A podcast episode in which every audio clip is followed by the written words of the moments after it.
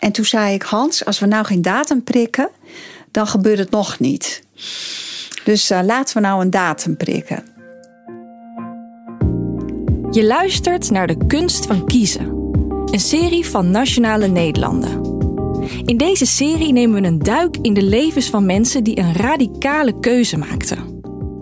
Op het moment dat je het kan doen, doe het dan en ga het niet uitstellen. Stel je voor dat het je droom is om fulltime te reizen en nooit meer te werken. Maar je bent geen miljonair. Met welke keuzes krijg je dat voor elkaar? Het is een knop die omgaat van wat heb je nou, echt nodig. Ik ben Lotte en ik wil weten hoe de mensen in deze serie gekozen hebben, hoe ze hun keuze volhouden en wat er op het spel stond. En ik neem samen met psychologen en gedragswetenschappers een duik in hun brein. Want hoe komen belangrijke keuzes eigenlijk tot stand? Wat gebeurt er dan in je hersenen? En hoe kunnen we betere keuzes maken?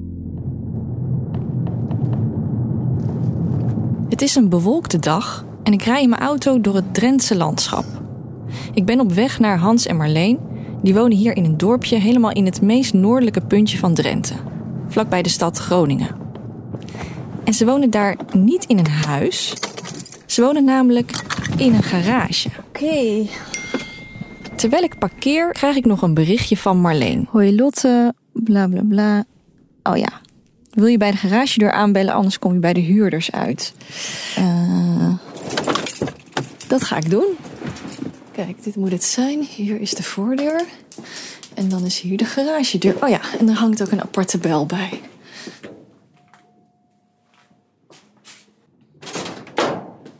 Hallo. Hallo. Hi. Nou, ik geloof dat ik nog nooit eerder bij een garage heb aangebeld. Nee, ja? Ja. Hans en Marleen zijn 60 en 61 jaar, maar ze hebben het energieniveau van twee twintigers. Ze zijn allebei tenger. Ja, alles is zeg maar uh, op maat. Hij met kort haar en een brilletje. Dan zitten we hier aan deze tafel te ontbijten. Zij blond met grote blauwe ogen. De televisie hangt boven je hoofd. Ja. Oh. Die komt zo naar beneden hangen. Die is helemaal opgeklapt tegen het plafond. Ja, die wilde eerst eh, tegen de muur hangen, maar als je dan uitklapt, dan hangt hij weer voor een kast. Dus dat kan weer niet. In de garage is alles aanwezig. Op 24 vierkante meter. En dan achter de bank uh, het bed. Wat we zelf heel leuk vinden. dat is ook, dat Jij springt nu op het bed. Ja, precies. Dat, dat, als ze eenmaal weer in het grote huis wonen, dan ja, er zijn stemmen die zeggen je moet je bed weer in de woonkamer zetten. Maar dat, dat doen we toch maar niet.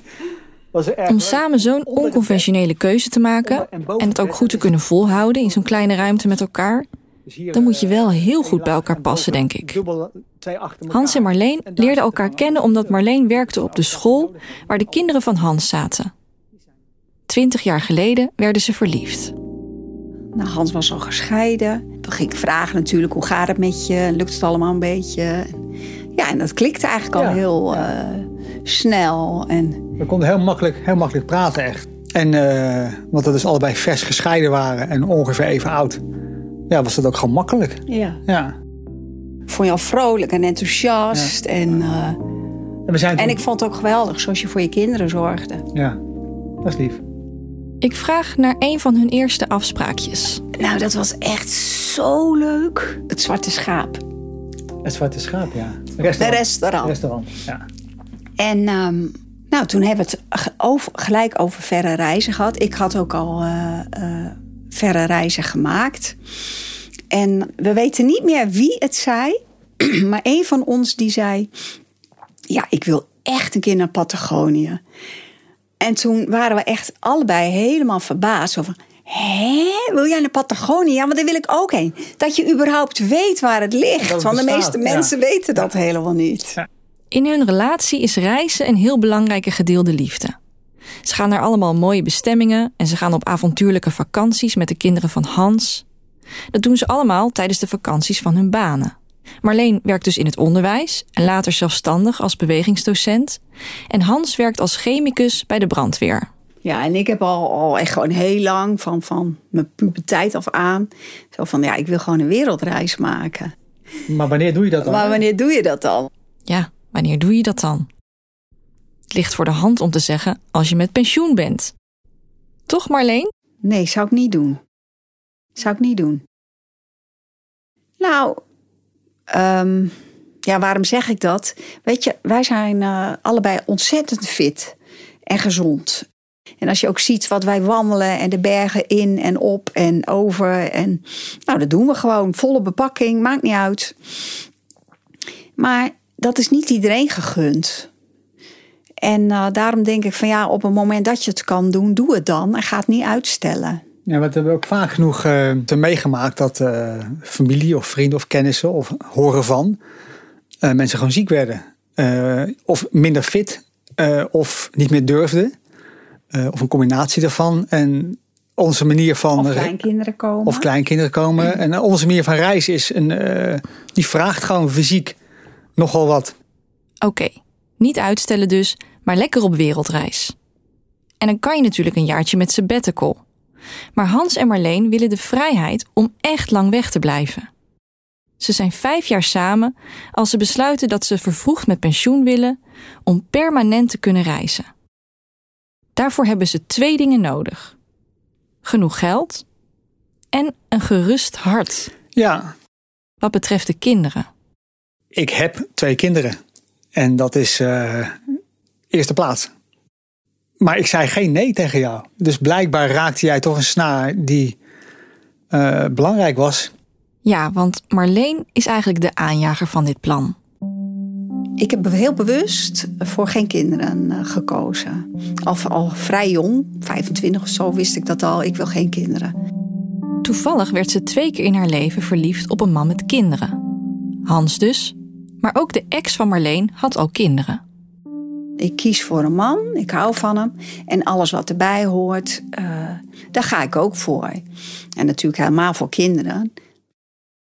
En toen had ik dus op een gegeven moment uh, uh, zoiets van... ja, als ze nou oud zijn, ouder zijn en ze gaan het huis uit... nou, dan wil ik eindelijk die ruimte die ik al die jaren gezocht heb. Ja, je hebt gewoon ook gezegd, er zijn altijd wel redenen om het niet te doen. Ja, en dat is ook altijd de reden geweest om het niet te doen. Ja. ja. Ze moeten rustig afwachten dus tot het moment waarop ze voelen dat ze de kinderen met een gerust hart kunnen achterlaten.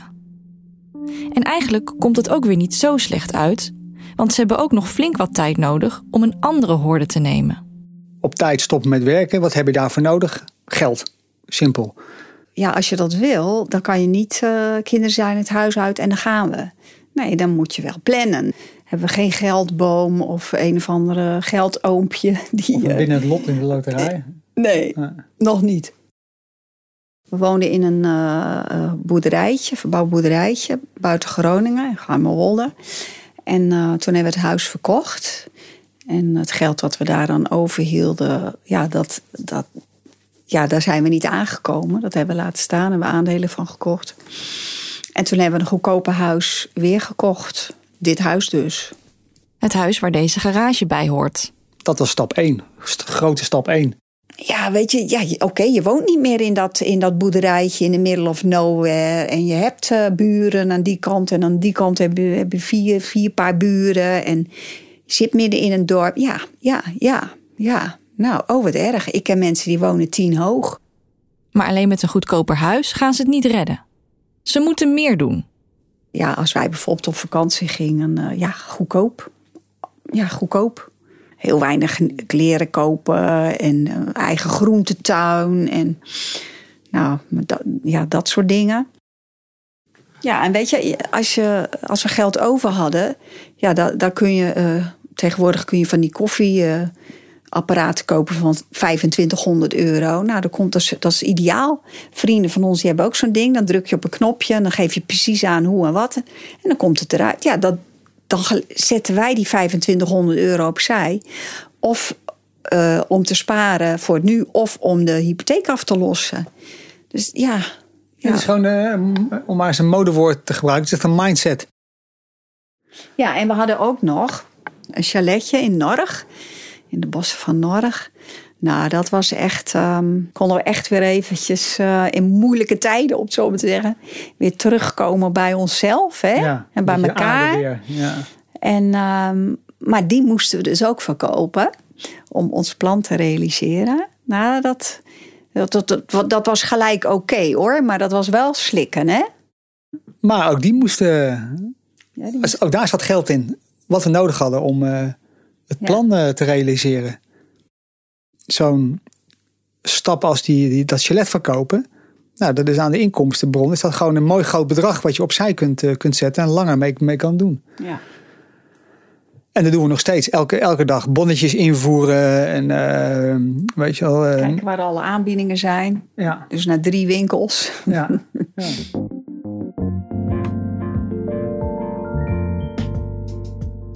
Mijn indruk is dat dit heel gedisciplineerde mensen zijn.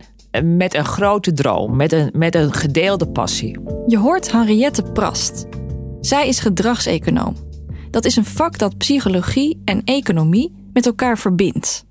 Volgens Henriette is het uitdagende aan het spaardoel van Hans en Marleen dat het doel zo ver weg ligt. Het gaat toch steeds om een offer nu voor een opbrengst in de toekomst. Daarom is het heel belangrijk hoe je dat offer beleeft. Als buitenstaander kan je denken: ik zou er toch niet aan moeten denken om met Excel-schema's s'avonds de avond door te komen om uit te rekenen of het nog lukt. Maar als je dat als een soort hobby ziet, spannend met z'n tweeën, iets wat je deelt, een droom. De voorbereiding, de voorpret, kan ook een positieve energie geven. Dat gebeurt vaker, dat iets als een spel wordt gezien eigenlijk dat een, eh, iets wat een middel zou moeten zijn, een soort doel op zich wordt. Ja, en als je de voorbereiding zelf dus al leuk vindt, dan is het geen offer meer, maar een win-win situatie. Dat loopt overigens niet altijd goed af als het gaat om geld. Want we weten bijvoorbeeld dat eh, mensen die veel vrije tijd hebben, bijvoorbeeld omdat ze met pensioen zijn gegaan, en die dan denken: Nou heb ik alle tijd om goed te vergelijken waar ik het goedkoopst uit ben. Die mensen gaan, dat is dan aangetoond gemiddeld, uiteindelijk meer geld uitgeven, omdat ze in die zoektocht veel meer producten tegenkomen. Misschien nuttig, maar misschien ook niet nuttig. Dus het was begonnen met als doel geld uitsparen. Ik heb toch tijd zat. Het wordt als het ware een soort hobby. En het hele tijd, geld besparen, dat, ja, misschien bespaar je wel hier en daar wat, maar je geeft uiteindelijk meer uit. Dus als het daarom te doen is, dan, dan loopt het eigenlijk uit de hand. Maar goed, hier is dat een ander geval natuurlijk. Hebben jullie ook genoten van het proces? Jazeker, jazeker. Want het is natuurlijk geweldig als je je droom steeds dichterbij eh, ziet komen. En eh, de laatste twee jaar hebben we echt, echt eh, ja, gaan zitten rekenen. Ja, helemaal, helemaal een budget. Wat, wat ben je nou in het dagelijks leven in ieder geval kwijt? Jij, hebt, eh, jij kon je pensioen eh, naar voren trekken. En terwijl ze zo aan het puzzelen zijn, krijgt Marleen een idee. Nou, zullen we dan ons huis verhuren? Want naast hun huis zit nog een flinke garage waar je met een paar aanpassingen best zou kunnen wonen. Hans is niet meteen overtuigd. Ja, ja, Ja, dat mag ik wel zeggen. Ja. ja, ja, ja. Want ik, ik, ik wilde gewoon mijn droom leven. En, ehm, maar goed, Hans die zei, nee, dat zie ik niet zitten. En eh, ja, dan weet ik gewoon ook, als hij zo resoluut is, dan, ehm, ja, dan gaat het gewoon niet gebeuren. Hè? Waarom wou je het niet, Hans? Hele goede vraag. ja, gewoon ehm, eh, een, on- een angst, onberedeneerbare angst. Gewoon eh, mensen die ik niet ken in mijn huis. En eh, hoe vind je het terug? Oké, het huis onderverhuren, dat gaat dus te ver voor Hans. Maar met het zuinige leven, de verkoop van hun camper en hun chalet, komen ze al een heel eind. We wilden met ons 55 te stoppen. Want toen we 55 waren, toen vonden we eh, Job, de jongste, nog niet oud genoeg, zeg maar, om, om eh, dat, dat we dan zo lang weg zouden gaan. En toen waren we 55 en toen zei ik, Hans, als we nou geen datum prikken, dan gebeurt het nog niet. Dus eh, laten we nou een datum prikken. En ehm, nou, daar, daar was je het gelijk mee eens. En toen, ehm, moet je even zeggen of het klopt. Toen zei jij dus inderdaad, van dan gaan we op ons 57ste stoppen, 1 april. Ja. En toen zijn we volgens mij berekeningen gaan maken. Ja, want dat is, dat is, dat is wel de essentie van het geheel geweest.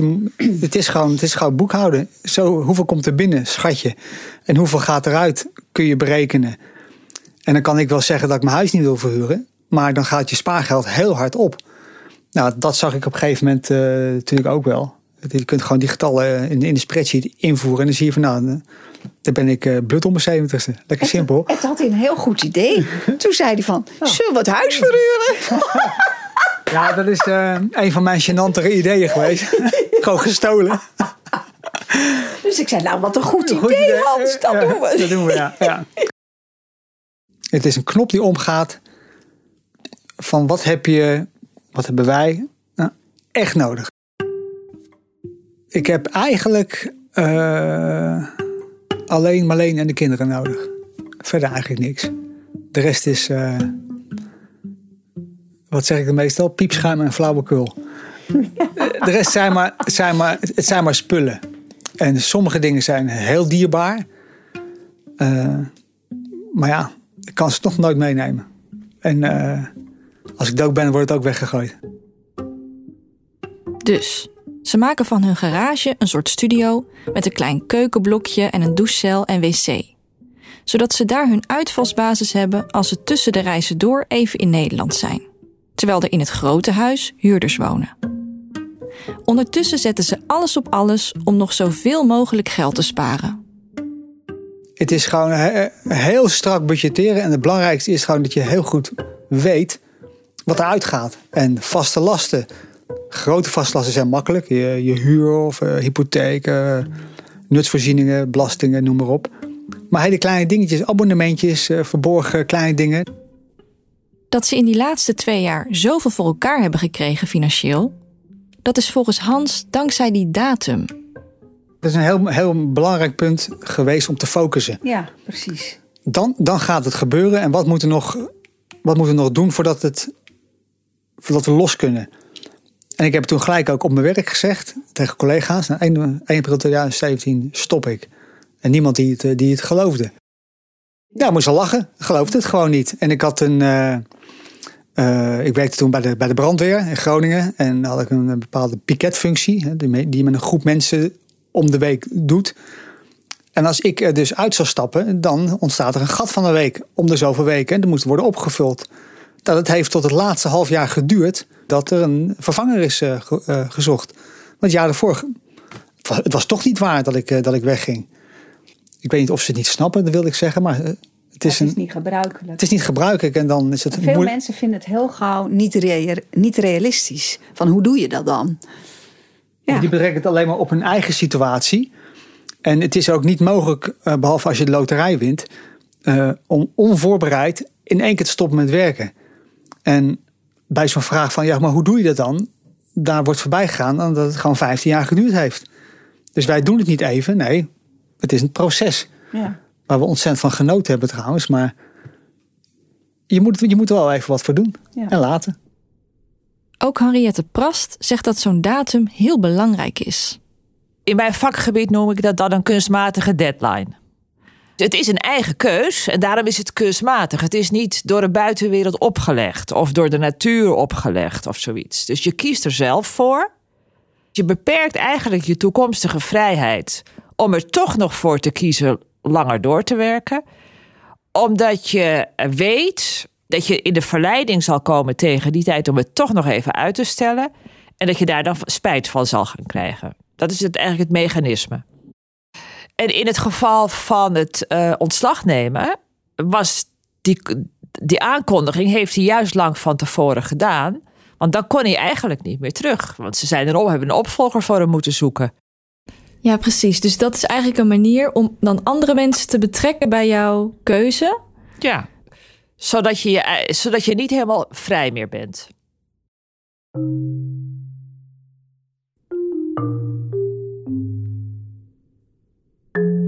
Het is 2016. Hans en Marleen zijn vlak bij hun doel. Over een jaar stoppen ze met werken.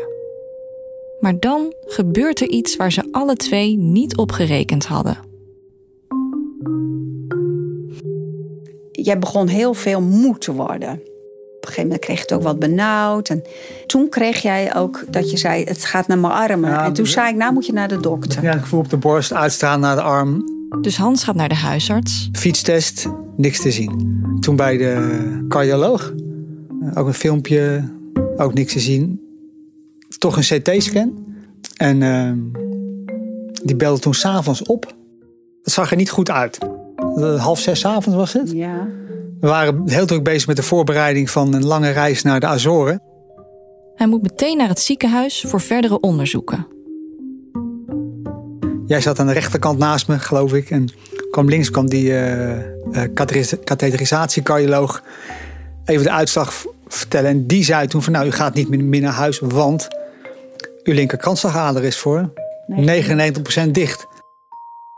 Ja, en dat is heel, dat is heel raar, want ik, eh, ik ben toch gelijk naar de cardiologieafdeling gebracht. En Marleen moest dus gewoon naar huis om spullen te halen. En ik kan me voorstellen dat het een van de meest debiele dingen is die je ooit hebt moeten doen. Ja, dat is heel raar. Ook vooral omdat jij niet ziek, ziek was. Ja, oké, moe en ehm, je kreeg het benauwd. Maar Ja. dan denk, denk je, ja, dat Ja. hadden we niet verwacht. Hans moet in het ziekenhuis blijven tot hij geopereerd kan worden. En eh, dat heeft uiteindelijk anderhalve week geduurd. En ik mocht niet van de gang af, moest een kastje op. En eh, ik had hem alleen gevraagd of ze een, eh, een, een stappenteller wilde halen van huis. Want ik wilde gewoon zo fit mogelijk blijven. Dus niet de hele dag eh, in dat ziekenhuisbed liggen. Verschrikkelijk zeg.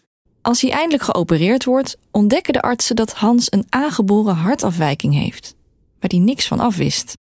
En ehm, ja, eigenlijk dankzij eh, die dichtgeslipte slagader, dankzij eh, dat probleem hebben ze, hadden ze dat dus ontdekt. En dat hebben ze moeten verhelpen.